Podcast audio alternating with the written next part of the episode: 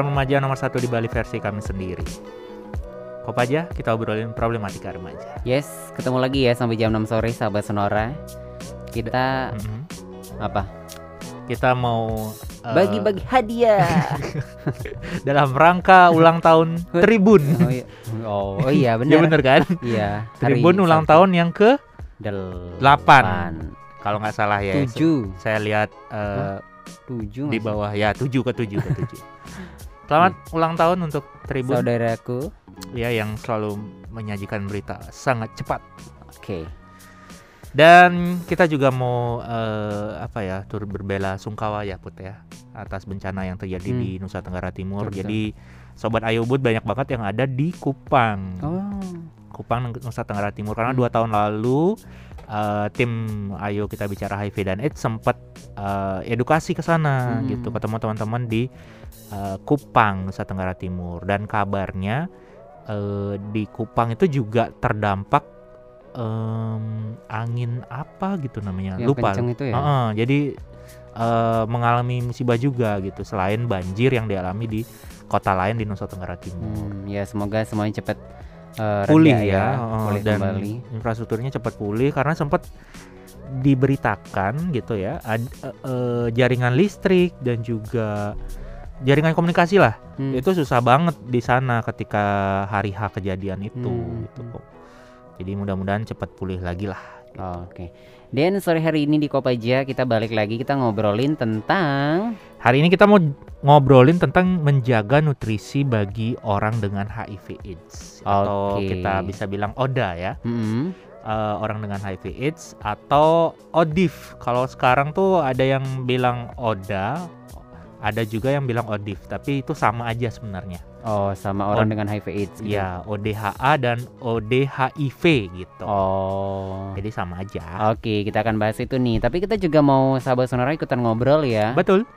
Bisa di eh, Instagram @sonorabali_fm atau @ayubut atau bisa juga di WhatsApp 081390289890. Obrolan kita adalah obrolan kita adalah apa yang mau kita lemparkan pertanyaannya? Oh iya benar. Kok jadi bingung sendiri. Jadi kita kan ngobrolin menjaga nutrisi bagi orang Ada. dengan HIV AIDS Mm. ya. Nah, kita perlu rekomendasi nih. Makanan apa yang bernutrisi tinggi atau makanan yang sehat eh, menurut kalian para sahabat Sonora gitu Oke, ya. langsung kasih tahu ya di sore hari ini. Ini penyebutannya Oda atau Odha sih? Oda. Oda biasa ya. Mm.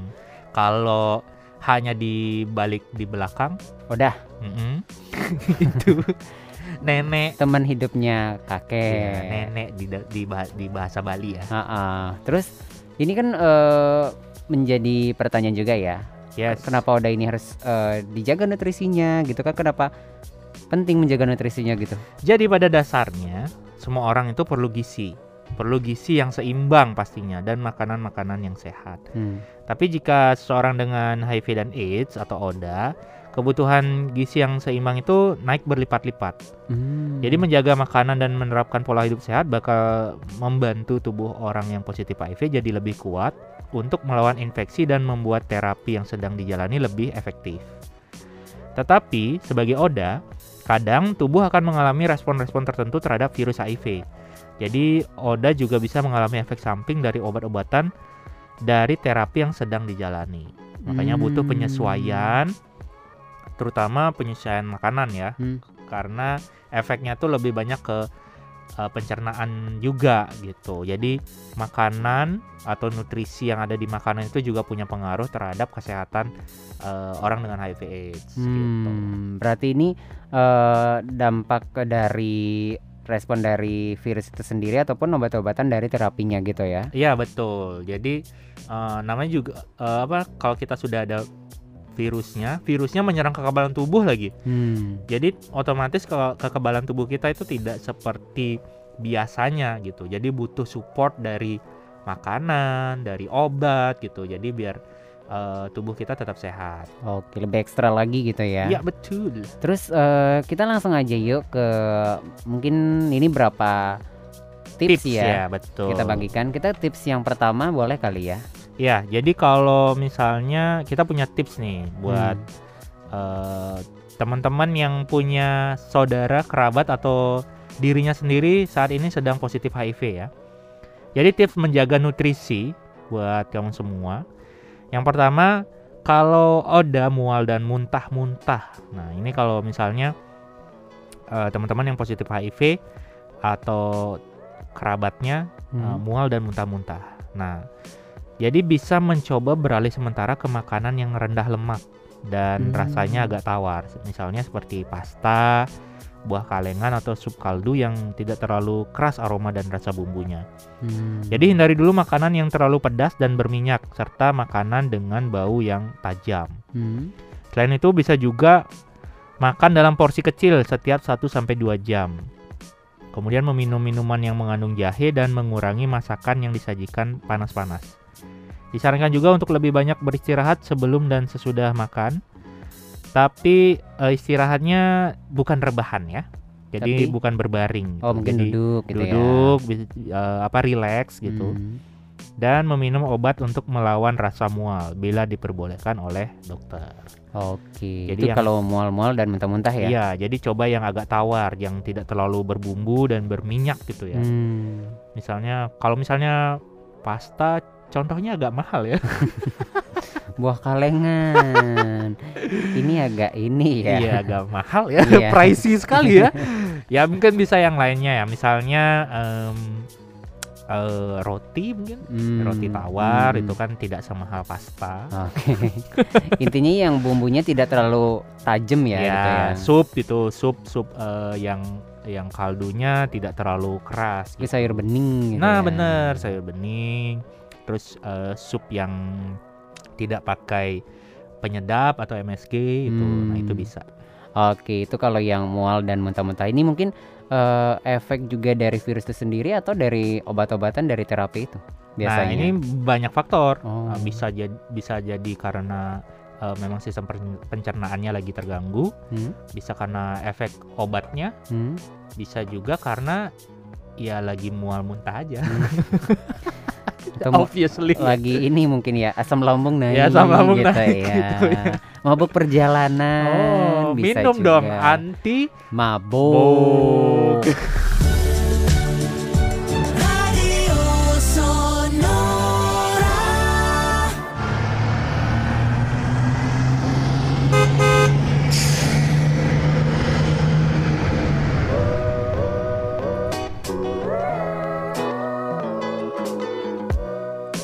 Menjaga nutrisi bagi orang dengan HIV AIDS bersama saya Chef Juna Oh, oh. dan sebelah saya partner saya Sevanan. local jokes, local jokes. Yang ngerti cuma orang Bali. Orang Bali aja yang ngerti itu sepanan apa ya. Dan episode kita kali ini dipersembahkan oleh Herbal Love. Herbal Love tidak hanya terbuat dari bahan herbal tapi juga Cinta. Iya, Kok tahu aku sih tahu dong. Herbal Love ya. love, love, love. Waduh. Marta Sun lagi nonton nih. Billy, Billy Syahputra mungkin bukan Hmm. Billy Lubis. Ada Angel Mar, ada Rizky Aprian yang tadi suaranya nggak ada kak kita emang lagi off ya. Yes. Tiba-tiba log out. Nah nggak kelihatan. Oke itu ya sudah nonton ya. Ya, eh, di Twitter juga sudah ada kita eh, ini ya, mengajukan pertanyaan ya, rekomendasi makanan bernutrisi menurut para eh, netizen ya. Dari Tri Hanjaya 30 tahun Jakarta, makanan yang mengandung 4 sehat 5 sempurna yang kaya akan vitamin. Oh, vitamin, ay Vit- vitamin ya, vitamin ya. Terus dari Poini, Poini 25 tahun Jawa Timur, Jawa Timur. Yes, dia merekomendasikan sayur dan buah-buahan. Oke. Dan, dan juga ada Kirana. Kirana 16 tahun Semarang. Dia merekomendasikan jeruk dan biji-bijian. Wow. Biji, Biji. nangka. Oh, ya bisa. Terus juga biji labu. Hmm, asal jangan digaruk ya bijinya. Kok Ya, begitulah. Next, kita lanjut. Yes, Jadi, kalau eh, tadi kan yang mual hmm. dan muntah-muntah nih. Betul. Bagaimana kalau yang diare? Nah, kalau orang yang dengan HIV AIDS yang sedang diare, Sama seperti siapa pun yang lagi diare ya. Semuanya wajib mengkonsumsi lebih banyak cairan dan mengurangi minuman dengan kandungan kafein, gula dan susu. Nanti air putih, air air mineral ya. Iya betul. Dan makan makan lebih sering eh, dan jangan terburu-buru serta hindari makanan yang berminyak. Hmm, kunyah 200 kali. Waduh, sampai dedak ya. nah, ada baiknya juga kamu mengurangi sayuran atau buah-buahan segar dan memakan sayur dan buah yang sudah dimasak dulu untuk sementara. Oh, lebih disarankan udah dimasak ya. Betul. Jadi lalapan yang ada di pecel lele tolong Hmm. dihindari dulu. Oh gitu. Aku tuh kalau lag- pantesan ya aku suka diare itu kan suka eh, agak ini ya, Mm-mm. suka lebih parah gitu kan. Mm-mm. Karena aku kan kalau lewat nih ada Mm-mm. pohon-pohon aku langsung Wah. Aktif sekali ya, Bun. oh langsung petik Hmm. dari pohonnya Mohon maaf, Anda manusia atau jerapah ya? dan pucuknya biasa aku. Oh. Pucuk, pucuk, pucuk gitu. Iya, itu mengingatkan saya pada produk teh. Iya. Teh itulah pokoknya Ah, ya. Tapi kalau kurang nafsu makan gimana nih kak? Kalau misalnya kamu sebagai orang yang positif HIV, ODA atau ODIF, kurang nafsu makan, nah bisa dirangsang dengan berolahraga dan mengurangi minum terlalu banyak sebelum makan. Hmm, Nah, biasanya kan or- ada orang yang punya kebiasaan sebelum makan tuh minum dulu. aku tuh Nah, minum air, minum eh minum minuman manis, Manis, betul. teh mungkin. Nah itu di, di dikurangi dulu Hmm. atau di stop dulu. Dan ada baiknya juga membuat suasana makan jadi lebih seru. Seperti mengajak teman-teman untuk makan bersama, terus juga cicipi makanan dengan bentuk, warna dan tekstur yang berbeda-beda. Dan makanan dalam porsi yang lebih kecil tapi lebih sering. Oh itu emang dari tadi sering disaranin ya makan Iya, yang betul. porsinya kecil tapi Mm. sering kita makannya. Ya, jadi biar eh, secara logika pencernaan kita tuh nggak kaget gitu. Hmm. Biasanya kan tipikal orang Indonesia kan kalau makan tuh bergunung-gunung gitu Oh ya. ya ampun, itu Jadi, ada aja sih. hmm, kalau ada yang bilang tuh porsi burja atau porsi kuli. Oke. Jadi itu makannya dikit tapi sering. Oke, secara logika lah ya. Ya. Ini ada Rizky Prian. Ini jawab jenis sayuran yang paling banyak nutrisi apa ya? Semua sayur pada dasarnya punya nutrisi yang Iya. banyak gitu. Jadi eh, asalkan dia tidak di eh, tidak dimakan mentah-mentah Kayak aku gitu. tadi gitu ya. Mhm. yang langsung comot dari Comot, pohonnya oh, comot. bagaikan jerapah ya. Dan tidak dimasak terlalu lama. Terlalu matang ya. Hmm, kalau dia terlalu eh, apa istilahnya ya? Terlalu eh, gebuh bahasa Indonesia-nya apa? Terlalu lem terlalu terlalu ha- apa ya gebuh itu ya? ya pokoknya overcook lah. Ah, itulah intinya bahasa ya. Perancisnya overcook. Itu mengurangi vitamin dan juga zat yang ada di sayur tersebut. Jadi pada Hmm. dasarnya segala jenis sayuran itu uh, punya nutrisi yang uh, baik, baik, ya gitu ya. seperti itu dan yang terpenting adalah tadi cara memasaknya harus benar gitu ya terus dicuci dulu Dicuci bersih lagi dan jangan jangan terbiasa makan yang mentah gitu sih Hmm, intinya. itu ya Mm-mm.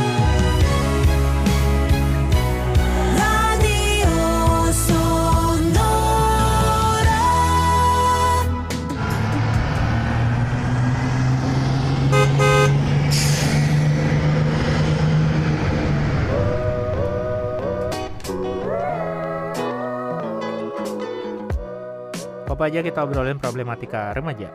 sampai jam 6 sore selamat sore buat putu.yasa.37853734 Oh, panjang ya. iya ada juga Ai Ai Satya underscores yang bergabung di sore hari ini Hai semuanya, eh, terima kasih ya sudah ikut mendengarkan. Silakan komen ya nutrisi atau rekomendasi makanan yang bernutrisi menurut kalian. hmm. Pantas ada rasa beda ya. Dari bentar nih. Dari Ramli, eh Rahmi. Tadi udah aku baca belum? belum Belum. Dari Rahmi. Rekomendasi makanan yang bernutrisi: brokoli, kacang-kacangan, bayam, oatmeal, telur. Oke, oke terus itu aja sih. Tips. Sangat patah ya. Oh, aku udah nungguin gitu kan. Tips menjaga nutrisi bagi Oda tadi kalau mual udah, kalau muntah juga udah, kalau Ya. diare juga udah. kalau nafsu makannya kurang juga udah Mm-mm. berat badan turun drastis Nah ini banyak juga yang mengalami ya berat Sekarang badannya turun drastis naik gitu ya. satu kilo lagi sebulan turun 6 kilo Ya, gitu itu kan sangat jomplang sekali ya naik dan turun. Jadi kalau misalnya itu terjadi berat badannya turun drastis, hanya satu solusinya makan, Makan yang, yang banyak, banyak. pastinya ya. Terus juga tambahannya ya asupan protein, Hmm. karbo, karbohidrat dan lemak dalam makanan yang dimakan. Jadi Hmm. tambahan es krim setiap makan cemilan dan perbanyak ngemil buah-buahan eh, buah-buahan kering ya. buah-buahan kering Uh-uh, serta kacang-kacangan. Ya mungkin buah-buahan yang tidak Tuh. direndam. datuh ya Jadi yang eh, tidak diolah sebagai es buah mungkin. Oke. Mungkin Terus- digoreng gitu kan? Eh, bisa. kering kan? Serta kacang-kacangan ya. Nah, Nah jika dirasa perlu bisa juga bertanya ke dokter tentang suplemen nutrisi yang mungkin perlu dikonsumsi. Karena eh, bisa juga misalnya kita punya morfologi badan yang morfologi itu apa? Eh, kayak gimana jelasinnya? Eh secara fisik gitu Ah. atau secara pencernaan kita tidak mudah menyerap makanan sehingga eh, tidak mudah menaikkan berat badan misalnya gitu. Hmm, Nah, tentu ada suplemen yang bisa membantu. hmm. Nah, namun tidak semua suplemen bisa di-approve oleh dokter. Jadi, teman-teman yang positif HIV disarankan untuk berkonsultasi dulu dengan dokter. Apakah perlu suplemen itu ataukah boleh? Kalau misalnya boleh, yang eh, suplemen apa bolehnya gitu. Hmm. Jadi itu harus eh, jangan sampai nanti malah kita minum suplemen itu kita malah diare atau Hmm. enggak malah tidak cocok dengan terapi obat yang sedang dilakukan. Oke, jadi harus dikonsultasikan sama dokter ya. Tapi kalau dokter udah boleh nih kamu konsumsi, itu berarti Betul. aman. Tapi kalau kondisinya sulit menelan atau mengalami masalah di bagian mulut, Nah, ini ada ya karena eh, banyak juga yang mengalami eh, penyakit penyerta gitu. Jadi su- eh, positif HIV dan juga eh, ada radang misalnya di Mhm. tenggorokannya gitu. Nah, kalau misalnya sulit menelan, ganti saja asupan makanannya jadi makanan yang lebih lembut dan gampang ditelan. Misalnya seperti yogurt atau bubur. Nah, bisa juga menghindari makanan yang sulit dikunyah. Misalnya sayuran mentah, terus kerupuk, kerupuk, lalapan itu. Eh, terus bisa memilih buah-buahan yang lebih lembut seperti pisang hmm, dan ada baiknya juga menghindari makanan-makanan yang bersifat asam seperti jeruk, lemon dan tomat. Nah, biasanya kalau sulit menelan yang bersifat asam itu lebih menonjok bagian tenggorokan kita. Waduh. Gitu.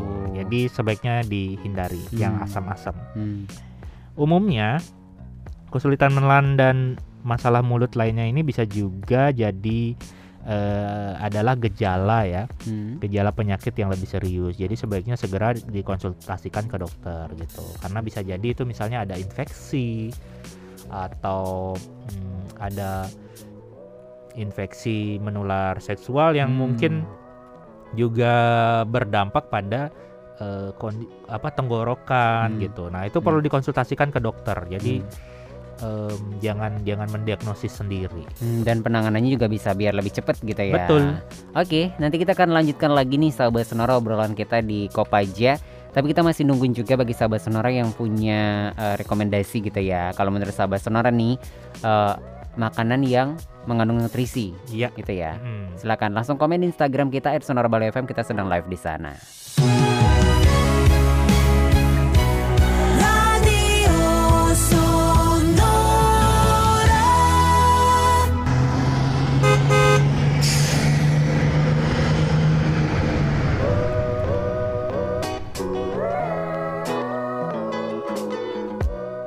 Apa aja kita obrolin problematika remaja disponsori oleh Herbal Love. Herbal Love tidak hanya terbuat dari bahan herbal tapi juga Cinta. cinta. Silakan Put. Apa? Ngapain? Tadi kamu ngomong ngomong apa? dari ASR KHPT. Nutrisi yang akan eh, yang aku rekomendasikan adalah makanan dari kekasih yang kita cintai. Uh, tayong, tayong, tayong, tayong, tayong. Ya bisa ya. Sangat bernutrisi sekali ya. Iya, luar biasa. Apa pun makanan yang dimasak oleh pasangan kita, kita akan selalu bilang enak. Walaupun asin mungkin ya. Oke, lanjut nih. Kalau Oda mengalami, waduh itu mengalami yang namanya persebaran lemak di tubuh tidak merata. Kalau bahasa medisnya apa sih? Eh, lipodistropi. Oke. Jadi kalau misalnya eh, kamu sebagai orang yang positif HIV atau juga kerabat, teman atau pasangan kamu yang eh, mengalami ini bisa jadi punya terlalu banyak lemak di satu bagian tubuh Misalnya atau terlalu sedikit lemak di bagian tubuh lain. Misalnya ya eh, di beberapa bagian tubuh ya. Ya mungkin di eh, di perutnya, lengan mungkin gitu ya, Jadi atau nggak di merata perut. gitu ya? di perut gitu. Nah, kadang eh, lipodistrofi ini adalah efek samping dari terapi ARV yang wajib dilakukan oleh semua ODA atau orang Hmm, dengan HIV hmm. AIDS gitu. Jadi sebenarnya tidak semua, tapi ada beberapa yang mengalami efek samping ini Hmm. ketika terapi antiretroviral. Jika mengalami lipodistrofi ini, kurangi asupan lemak, gula, dan alkohol di makanan dan minuman. Jadi alihkan ke lemak tak jenuh dan omega 3 seperti yang tersedia di ikan salmon dan tuna. Mahal sekali. Dari tadi contohnya menguras kantong, Tapi ini sehat, Bu. Iya. Bernutrisi sekali. tapi tidak sehat untuk kantong. Dan sebaiknya kurangi juga makanan yang bisa menaikkan tingkat insulin dan glukosa di tubuh seperti karbohidrat yang terkandung di nasi dan kentang serta memakan lebih banyak makanan berserat seperti buah-buahan dan sayur. Nah, ini solusi lainnya. Kalau misalnya salmon dan tuna tidak terjangkau Aku gitu. punya solusinya. Ya, dapat solusinya bisa buah-buahan, sayur-sayur. Dan karena ini eh, bisa menaikkan insulin ya atau gula darah gitu di dalam tubuh. Jadi karb karbonya juga harus dikurangi. Misalnya nasi, kentang itu tuh di Kurangi eh, ya. yang dikurangi. Jadi diganti, disubstitusi dengan buah-buahan atau sayur mayur. Oke, itu nih sahabat Sonora ya. Betul? Karena menjaga nutrisi bagi Oda itu sangat penting ya. penting banget karena eh, sangat berefek kepada eh, kualitas hidup gitu. Jadi kalau misalnya kita eh, mengalami masalah di pencernaan, kita jadi tidak bisa eh, beraktivitas gitu. Aktivitas kita jadi terganggu. Kemudian terapi ARV kita juga menjadi terganggu. Nah, makanya Hmm. nutrisinya harus tetap dijaga, kesehatannya harus dijaga, pola hidupnya juga harus dijaga gitu. Hmm. Dan ini tidak hanya berlaku pada orang dengan HIV AIDS atau ODA atau ODIF, tapi juga kita semua pun. yang sehat maksudnya yang tidak yang negatif HIV Hmm. juga, misalnya saya, terus eh, Putra dan teman-teman lainnya itu juga patut menjaga nutrisi gitu. Hmm, Kurangilah gorengan ya, hmm. karena walaupun itu enak sekali, dan rasanya pengen nagih terus. iya betul, itu tetap harus dikurangi. Oke, boleh sih konsumsi tapi jangan berlebihan karena yang berlebihan itu pasti tidak baik. Betul sekali. Yes, tapi bagi sahabat sonora yang mungkin mau tanya-tanya lagi nih seputaran Oda gitu kan? Ya. Atau eh, problematika remaja yang lainnya, Ayu Bud bisa temui di mana? Bisa di @ayobut, bisa Instagram dan Twitter, bisa juga di www.ayobut.org. Dan terima kasih juga kepada KPA Kota Denpasar ya yang sudah uh, mempromosikan uh, yang bagian ini episode ini. Hmm, Hmm, yang sudah uh, jadi teman-teman juga bisa cari informasi di @kpa Kota Denpasar ya. Oke, dan dengarkan terus Kopaja setiap hari Selasa. dari jam 5 hingga jam 6 sore tapi yang kelewatan nanti akan diupdate di Spotify Cereja Sonora Bali 98,9 FM. Ketidaksempurnaan hanyalah milik kami berdua karena sempurna hanyalah milik Andra and the Backbone. Selamat sore dan sampai jumpa. Bye.